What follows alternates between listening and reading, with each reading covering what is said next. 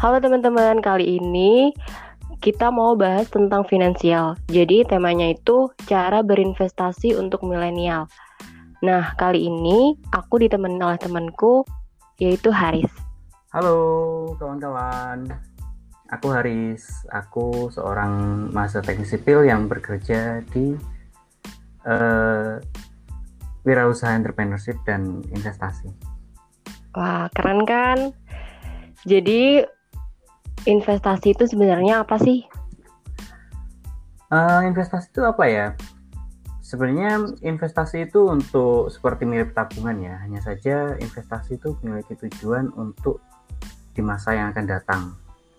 Hmm. Uh, investasi itu macet banyak-banyak macam ya. Dari investasi seperti investasi tanah, investasi uang seperti kalian menabung itu menab kalian menabung di bank itu namanya investasi juga. Tapi investasi dalam bentuk uang. Ada yang juga hmm. investasi saham.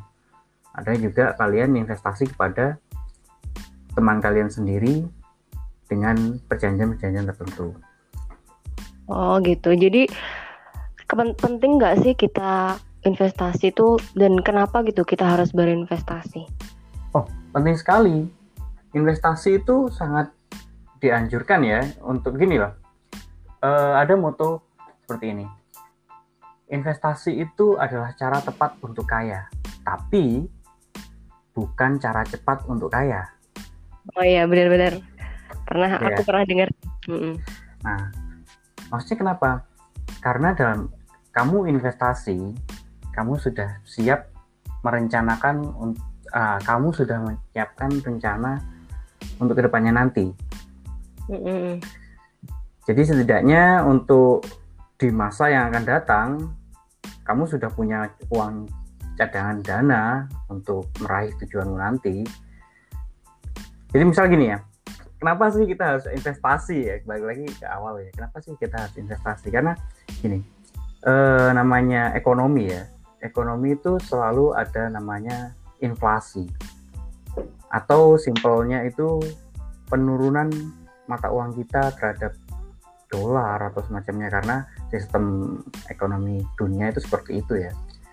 Jadi gimana caranya agar nilai mata uang kita di 10 sampai 20 tahun yang akan datang itu tidak berkurang.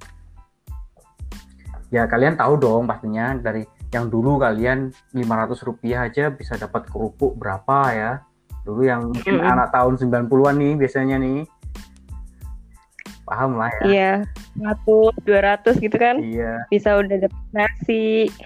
Nah, sekarang 500 rupiah aja udah nggak paling cuma dapat permen empat gitu kan udah nggak ini kerupuk aja sekarang 2000 kan nah ya kerupuk aja sekarang ribu, nah maka dari itu investasi itu perlu mm -mm. investasi itu tujuannya salah satunya ya itu di melawan namanya inflasi atau penurunan nilai mata uang kalian bisa investasi di tanah karena nggak ada namanya tanah itu bakalan turun harganya ya nggak ada ya kalian bisa investasi di emas itu juga bisa atau yang aku lakukan yang menurutku juga paling murah dan paling mudah itu investasi di pasar modal yaitu investasi saham. Terus apa yang kita dapat dari investasi itu? Apa yang kita dapat dari investasi? Dalam hal mm -hmm. ini kita aku kerucutkan ke investasi saham ya. Karena kalau misalkan investasi emas aku rasa semua orang tahu lah ya. Kalau emas naik harganya juga naik, kita dapat untung dari itu itu kan. Tapi ada yang berbeda yaitu dalam investasi saham. Karena dalam investasi saham itu nggak cuma sekedar dapat uh, dari kenaikan harganya itu aja. Jadi di investasi saham itu ada dua yaitu pendapatan capital gain sama pendapatan dividen. Hmm, boleh dijelasin nggak nah, dividen sama capital? Nah, apa sih uh, pendapatan dari capital gain itu? Jadi gini, misalkan kalian investasi di sebuah perusahaan Indofood anggap aja mm -hmm. kita salah satu ya. Ya syukur-syukur kalau kita disponsori ya. Jadi ya apa-apa. Jadi anggap aja kita beli sahamnya Indofood seharga berapa sekarang harga Indofood ya? 6.300 jadi sekitar 630.000 per Hmm. lot saham. Ketika kita membelinya sudah sudah memiliki saham perusahaan tersebut mungkin di tahun yang akan datang bisa jadi perusahaan tersebut terus berkembang dan akhirnya mengalami kenaikan. Entah itu 20 sampai 30 persen kita tidak tahu. Nah selama mengalami kenaikan itu maka uang yang kamu investasikan di Indofood yang tadinya 630.000 maka nilainya akan bertambah sebesar 20% tadi jika Indofood tadi berkembang di tahun depan mencapai 20%. Hmm. Jadi pendapatannya akan sangat tergantung kepada di mana kamu investasinya. Sama tergantung perusahaan itu di tahun itu turun atau naik. Ya, perusahaan itu di tahun itu naik atau turun itu sangat bergantung pada Mm. itu. Nah, selanjutnya eh, ada pendapatan dividen. Nah, dividen ini yang biasanya eh, paling simple ya. Ang- Anggap aja nggak rumit lah intinya. Karena di mana Jadi- setiap kamu jadi Itu Nah. jadi dividen itu kayak bonus gitu ya. dividen itu kayak bonus. Sebenarnya bukan Hmm. bonus sih. Itu hak yang berhak kamu dapatkan karena kamu sudah menanamkan modal di perusahaan itu. Jadi Hmm. dividen itu adalah hakmu atas eh, profitnya perusahaan tersebut apa laba laba yang sudah diciptakan perusahaan itu selama satu tahun Mm-mm. itu diakumulasikan dirapatkan berapa kepada investor ini. Nah Hmm. itu jadi keuntungan perusahaan itu bukan semata-mata untuk diambil perusahaan itu semua, tetap investor tetap dapat jatahnya mereka sesuai dengan sejumlah saham kalian yang kalian punya. Jadi dividen itu adalah hak kalian untuk mendapatkan eh, untuk mendapatkan keuntungan dari perusahaan itu. Jadi gini, Terus? divi- dividen itu macam-macam ya. Dividen ada yang Mm. diberikan satu tahun sekali. Jadi misalkan Indofood tadi di tahun 2019 lalu mencatat laba, laba bersih, maka akan dibagikan di tahun 2020-nya Hmm. gitu. Nah, untuk jumlahnya berapa? Tergantung ra- rapat terbuka. Jadi nanti sebelum dividen itu dibagikan, nanti akan ada rapat. Itu satu minggu atau satu bulan sebelum itu sudah ada rapatnya. Dulu. Mau dibagikan berapa per lembarnya? Ya, biasanya sih rata-rata ya. Kalau dividen itu per satu lembarnya ada yang 20 rupiah sampai 1000 tapi kalau dikalikan 100 kan minimal pembelian saham ini kan 100 lembar nih Mm-mm.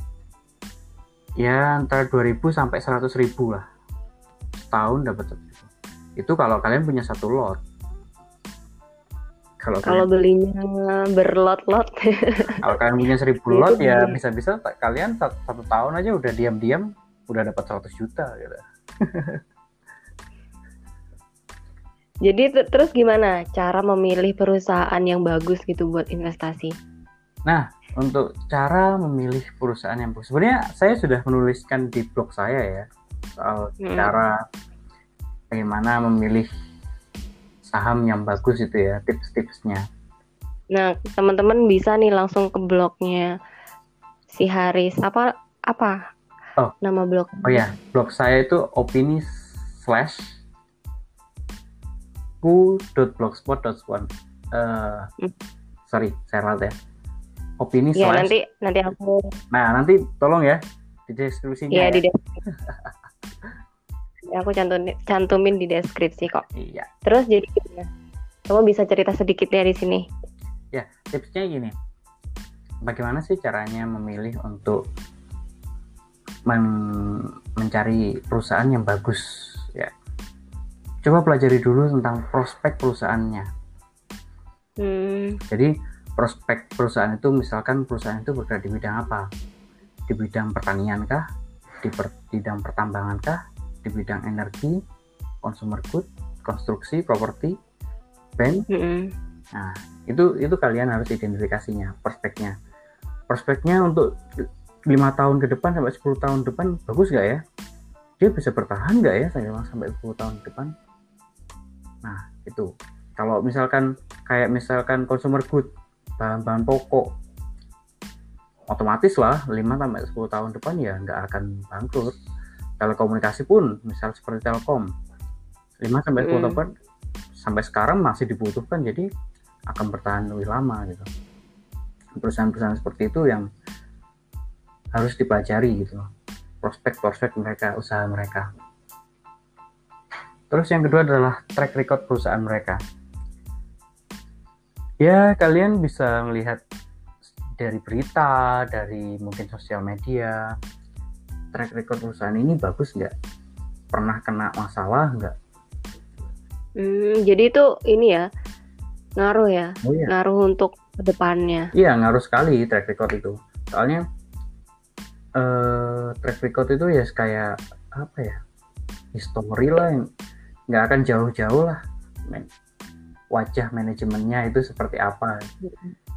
Terus yang ketiga itu ada yang yang bisa kalian lihat itu pemegang saham pengendali. Nah, pemegang saham pengendali ini apa sih? Pemegang saham pengendali ini apa ya? Kayak komposisi pemegang saham di perusahaan itu. Jadi misalkan dari pemegang saham yang mayoritas yang pegang 50% perusahaan itu memegang 20% itu siapa saja. Misalnya nih kayak eh, bank. Bank Mandiri bank BRI bank BNI itu hampir 60% lebih itu adalah milik negara Indonesia. Jadi atas nama Republik Indonesia, Indonesia. nanti sekitar kalau untuk Bank Mandiri ya Bank Mandiri itu setahuku 40% itu untuk masyarakat jadi bisa dimiliki hmm. oleh masyarakat 60 persennya itu milik negara.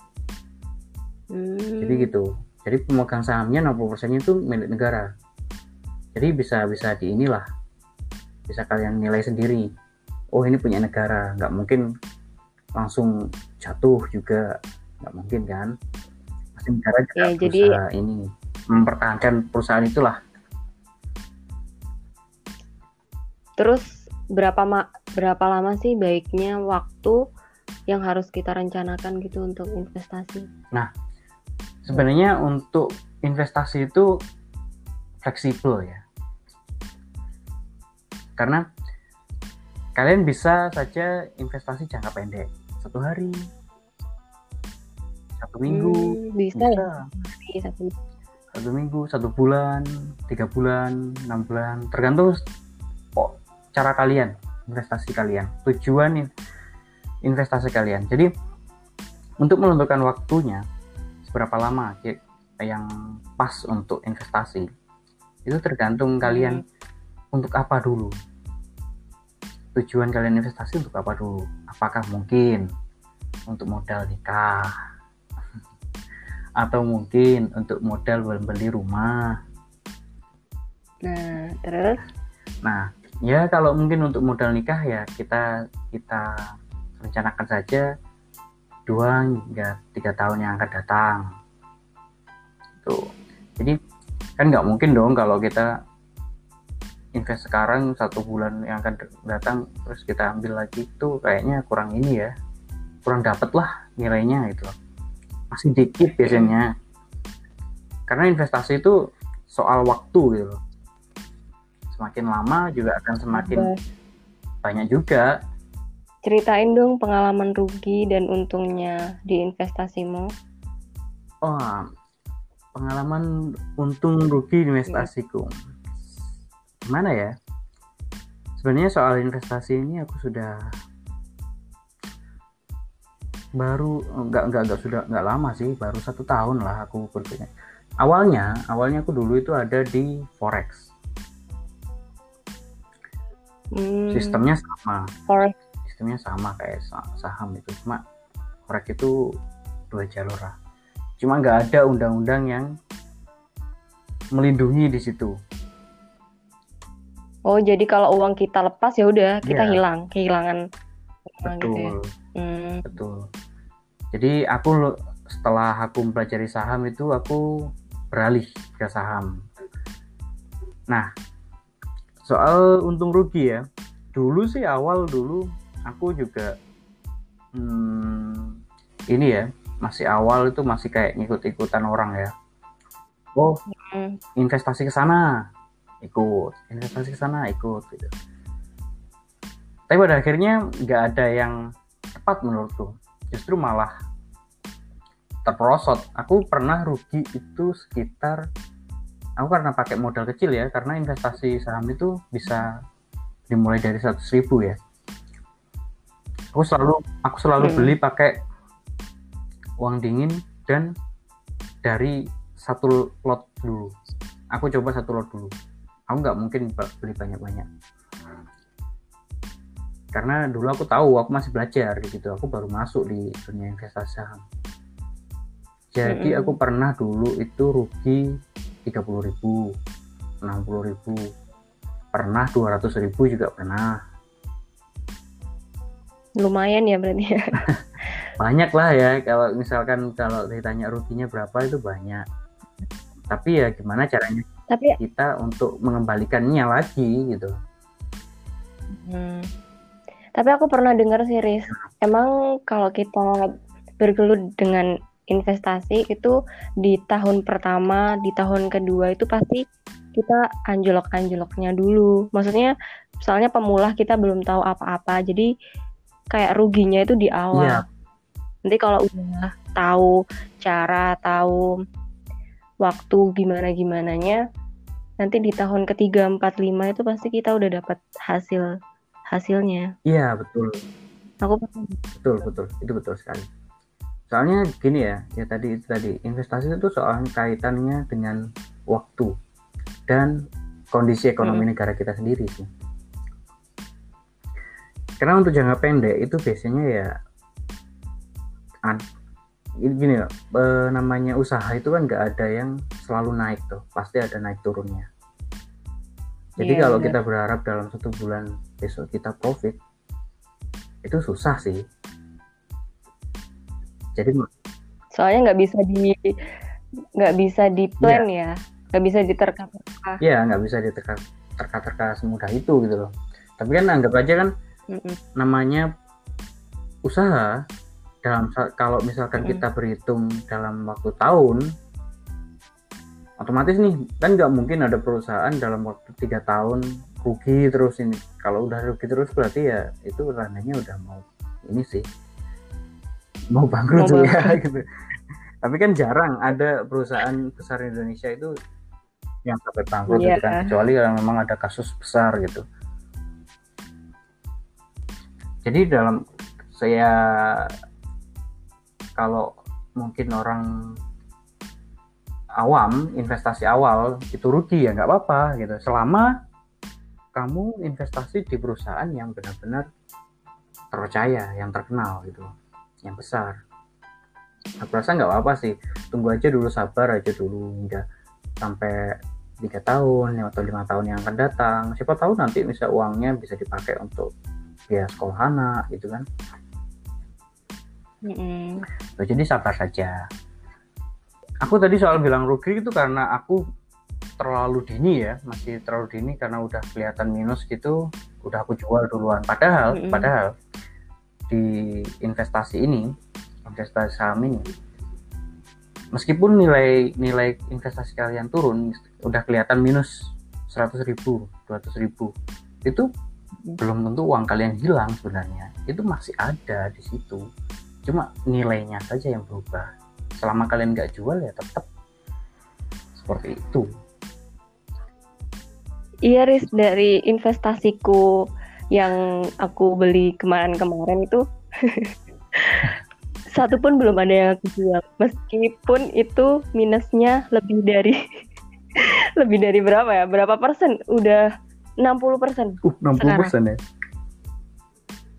Itu satu, satu, satu perusahaan ya.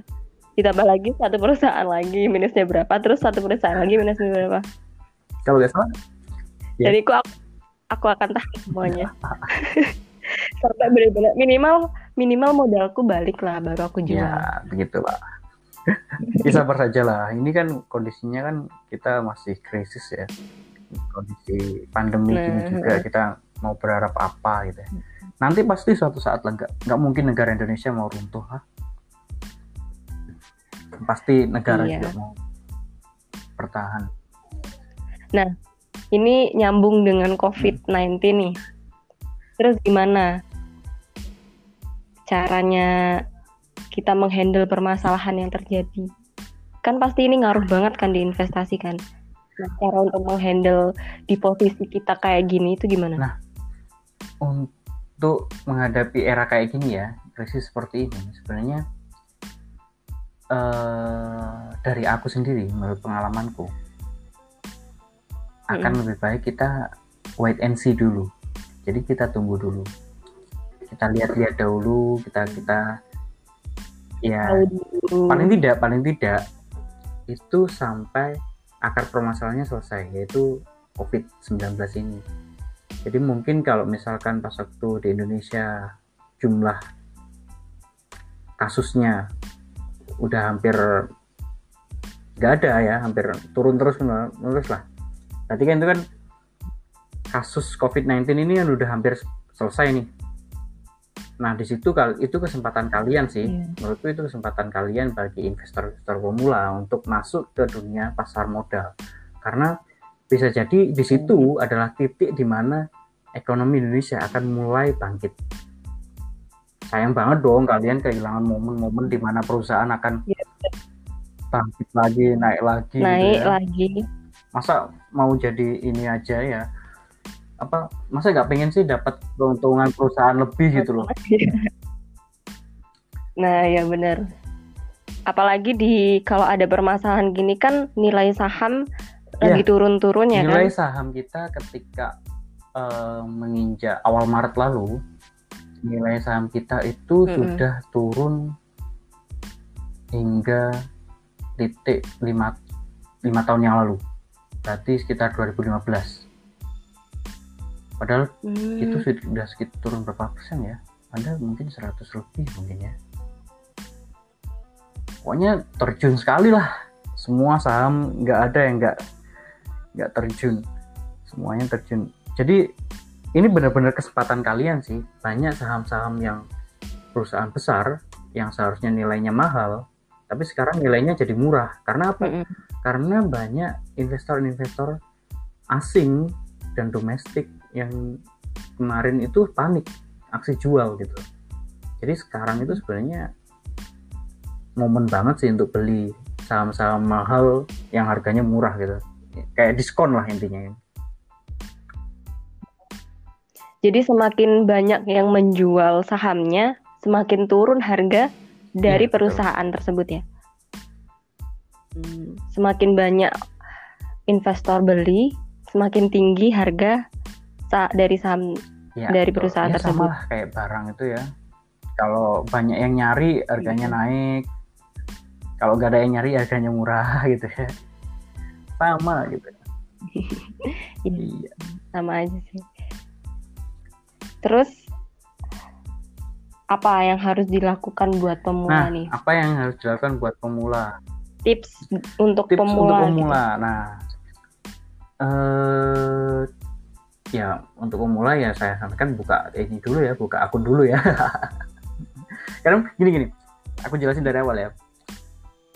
Untuk pemula kalian bagi kalian yang mungkin kalian minat untuk menjadi investor di perusahaan-perusahaan kalian bisa membuka rekening investasi dengan hanya modal 100 ribu. 100 ribu itu udah udah jadi ini kalian mau apa dana awal kalian masuk ke tabungan kalian jadi nggak ada uang-uang pendaftaran itu nggak ada di perusahaan sekuritas mana pun. Jadi kalian bisa di Mandiri Sekuritas, BNI Sekuritas, Indo Premier gitu ya. Tuh. Kalian bisa tanya-tanya dilalui online atau mungkin di perusahaan yang langsung kalau mungkin di kota-kota kalian ada kalian bisa tanya langsung ke sana. Kalian bisa diarahin lah. Nanti juga akan dikasih penjelasan kok tips-tipsnya di sana bagaimana. Nah tips selanjutnya dari aku. Mm-hmm. selain kalau udah daftar ya yang kedua adalah aku sarankan untuk membeli perusahaan yang kapital kapitalnya besar. Jadi seperti misalkan Telkom Unilever Indofood nah itu kan perusahaan-perusahaan kenal ya nggak nggak ada orang yang nggak kenal gitu loh. Semua orang tahu itu udah pasti perusahaan-perusahaan besar itu juga pasti dia manajemennya sudah bagus karena sudah puluhan tahun juga berdiri sampai sekarang dan track recordnya juga masih bagus. Jadi itu. Untuk Iya, meminimalisir minimalisir kerugian kerugian yang ya. besar lah. Jadi kalian harus nah Hmm. untuk untuk tahu itu apa aja daftar perusahaan-perusahaan besar? Nah itu kalian bisa cari di Google atau di PT Bursa Efek Indonesia yang alamatnya itu idx.co.id di situ ada list yang namanya indeks LQ45 di situ banyak sudah daftar ada sekitar 50 perusahaan teratas yang Hmm. punya kapital besar lah.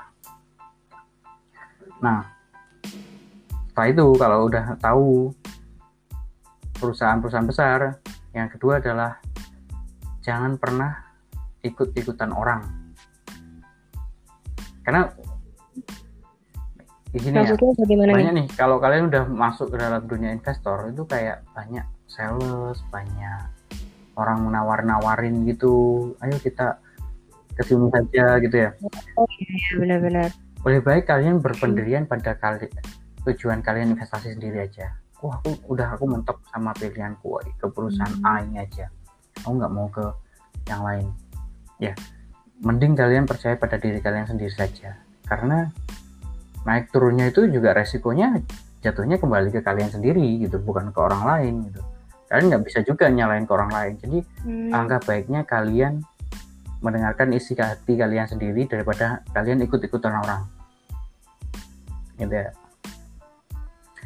Yang ketiga nih yang ketiga ini jadi nanti investasi itu kalian sebagai investor itu harus banyak-banyak membaca ya. Entah membaca berita atau membaca buku-buku tentang ilmu investasi. Itu penting.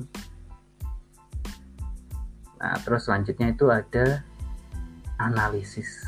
Nah analisis tadi sama kayak tips-tips tadi yaitu prospek perusahaannya seperti apa manajemennya seperti apa track recordnya seperti apa kembali seperti tadi. Itu aja sih. Selama kalian berhati-hati dalam memilih dan menganalisanya ya aku rasa kerugian untuk investor tuh bisa dikecilkan lah. Jadi mending mana individual investasi sama investasi yang dibawahi oleh perusahaan-perusahaan gitu. oh Paham kan iya, maksudku iya. ya?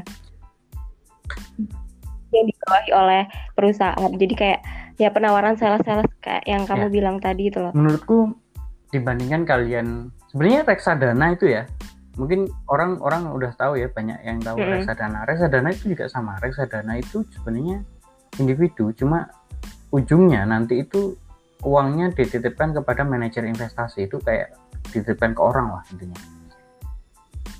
Itu agak merepotkan ya Mm. karena pas waktu kalian investasi ikut perusahaan atau mungkin ikut orang gitu ya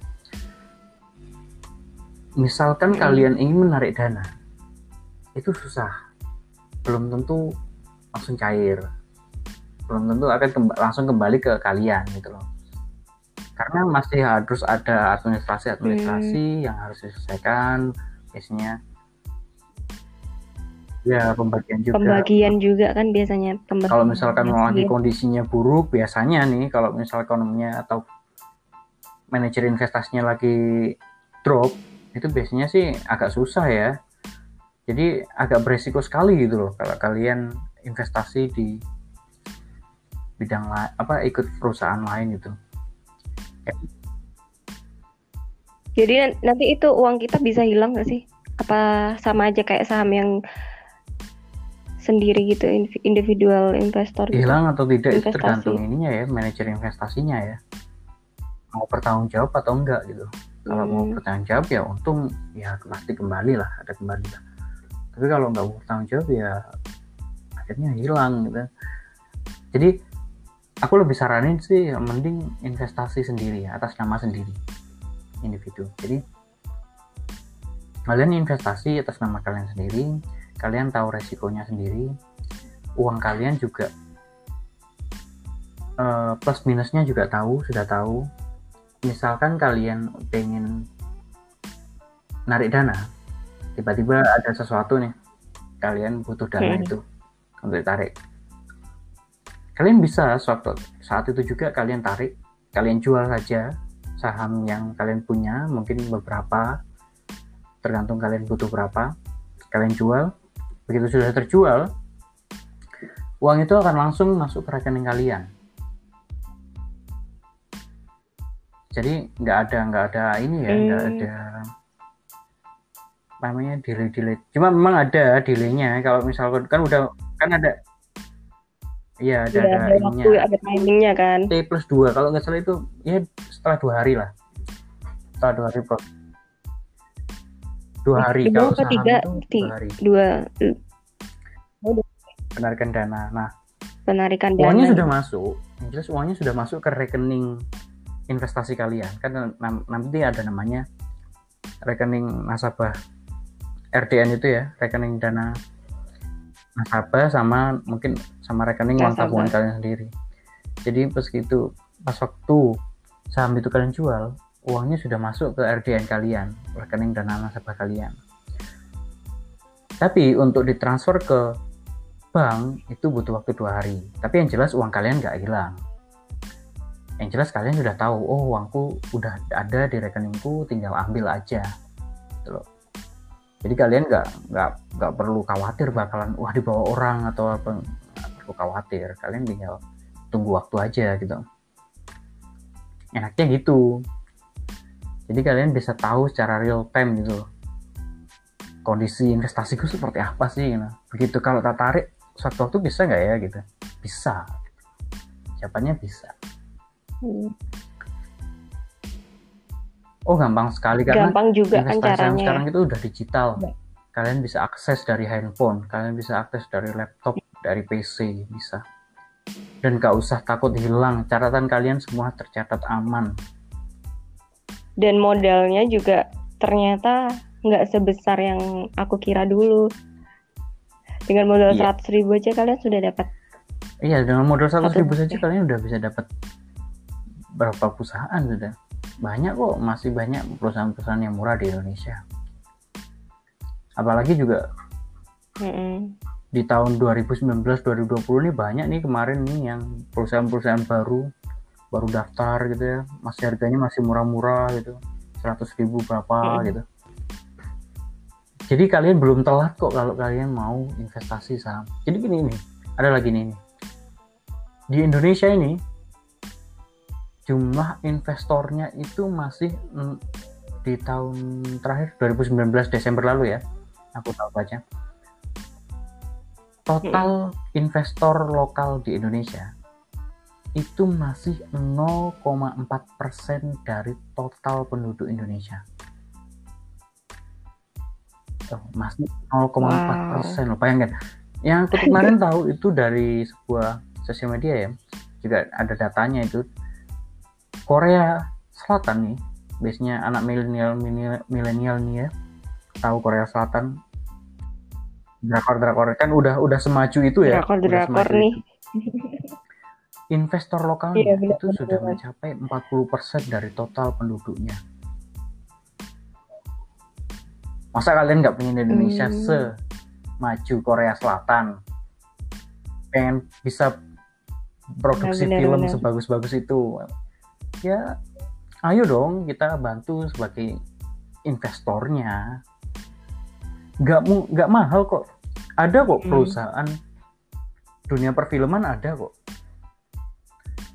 jadi kalian bisa investasi di bidang perfilman ada Nah, untuk di tahun 2019 ini di tahun terakhir ini apa nih perusahaan Terakhir apa yang kali menonjol? kemarin di tahun 2019 itu yang menonjol apa ya? Perbankan sama pertambangan ya, sama consumer good. Ya soal soal produk lah, consumer good gitu ya. Karena yang Hmm, yang masih stand, maksudnya stagnan, datar gitu ya. Itu ada pertanian. Pertanian tuh kayak stagnan situ aja. Mm-mm. Terus yang mengalami penurunan itu ada di bidang konstruksi. Tapi di awal 2020 kemarin di Januari konstruksi itu naik pesat. Iya sebenarnya kita itu Indonesia turun udah lagi. Januari Februari itu uh, udah naik gila-gilaan itu kemarin itu. eh, parah. Punya punya aku punya aku naik. Aku beli waktu naik pesat itu. Terus sekarang anjloknya puh parah. Eh, begitu menginjak Maret, tas langsung terjun semua. Terjun bebas. Ya udah. Terjun Punya aku aja sekarang jujur aja nih ya kalau soal secara rugi ya. Punya aku kemarin itu Hmm. yang Unilever itu udah minus 400 400 ribu terus yang Bank Mandiri itu kalau nggak salah udah 300 ya Bank Eh, Bang Mandiri sekarang naik Iya lagi kan? 500 Kemarin sampai 500 ya? 500 ribu Eh, tapi aku dulu 500 belinya ya? di harga 800 berapa iyalah tenang aja enggak Nggak apa-apa nunggu aku rasa banyak kok lah. nasabahnya masih banyak nasabah Bank Mandiri jadi nggak perlu khawatir Tapi menurutku Riz, Riz, ini yang paling aman ini Iya. emang bank. Iya nggak sih? Yang paling paling aman ini naik turunnya ini mending bank. Soalnya bank ini nggak mungkin mati kan kalau bank internasional, kalau bank di Iya dibawahi oleh negara. BNI, BCA itu nggak kayaknya mustahil buat kalau mati. Kalau sampai bangkrut banget itu kayaknya ya butuh waktu lama lah nggak mungkin. perusahaan sebesar itu bangkrut nggak langsung langsung tiba-tiba kolaps gitu juga nggak pasti ada kebijakan masih ada ininya. Jangka waktu yang cukup lama. Jadi kita bisa sempat keluar lah daripada kita harus rugi banyak. Kalau itu tapi kalau itu terjadi sih ber- berarti negaranya Mm-mm. juga ini sih kacau sih. Biasanya gitu. Soalnya itu udah perusahaan paling besar loh bank itu. Jadi gimana kesimpulannya untuk kita tentang investasi ini? untuk kalian para mil- milenial nih, gimana? Jika kalian udah tertarik untuk memikirkan masa depan, saya sarankan untuk investasi saham. Karena apa? Investasi saham itu nggak ribet, mudah, murah. Kalian hanya butuh 100 cuma butuh 100 ribu saja kalian sudah bisa investasi saham. Dan semuanya sudah terjaga. Ada payung hukumnya, jadi undang-undang pasar modalnya sudah ada. Nomor undang-undang nomor 8 tahun 95 tentang pasar modal. Dan bahkan nih untuk kalian yang mungkin eh, fatwa tentang pasar modal syariah itu juga sudah ada. MUI sudah mengeluarkan fatwa soal pasar modal syariah. Jadi kalian bisa lihat kalian google aja nanti ada kok fatwa dan regulasi tentang pasar modal syariah. Jadi semua tentang pasar modal Indonesia itu sudah aman dan sudah berpayung hukum. Kalian tinggal datang ke perusahaan sekuritas untuk daftar rekening kalian atas nama kalian sendiri. Jadi nggak usah cari perusahaan-perusahaan yang abal-abal lah. Ingat perusahaan sekuritas. Nanti kalian bisa diarahkan di sana bagaimana apa itu saham secara rincinya. Mudah kok investasi saham itu mudah. Demi masa depan, demi bebas finansial di masa yang akan datang. Jadi gimana teman-teman tertarik untuk berinvestasi Ya, nggak? harusnya tertarik dong gitu. Gak ada ruginya juga lah gitu.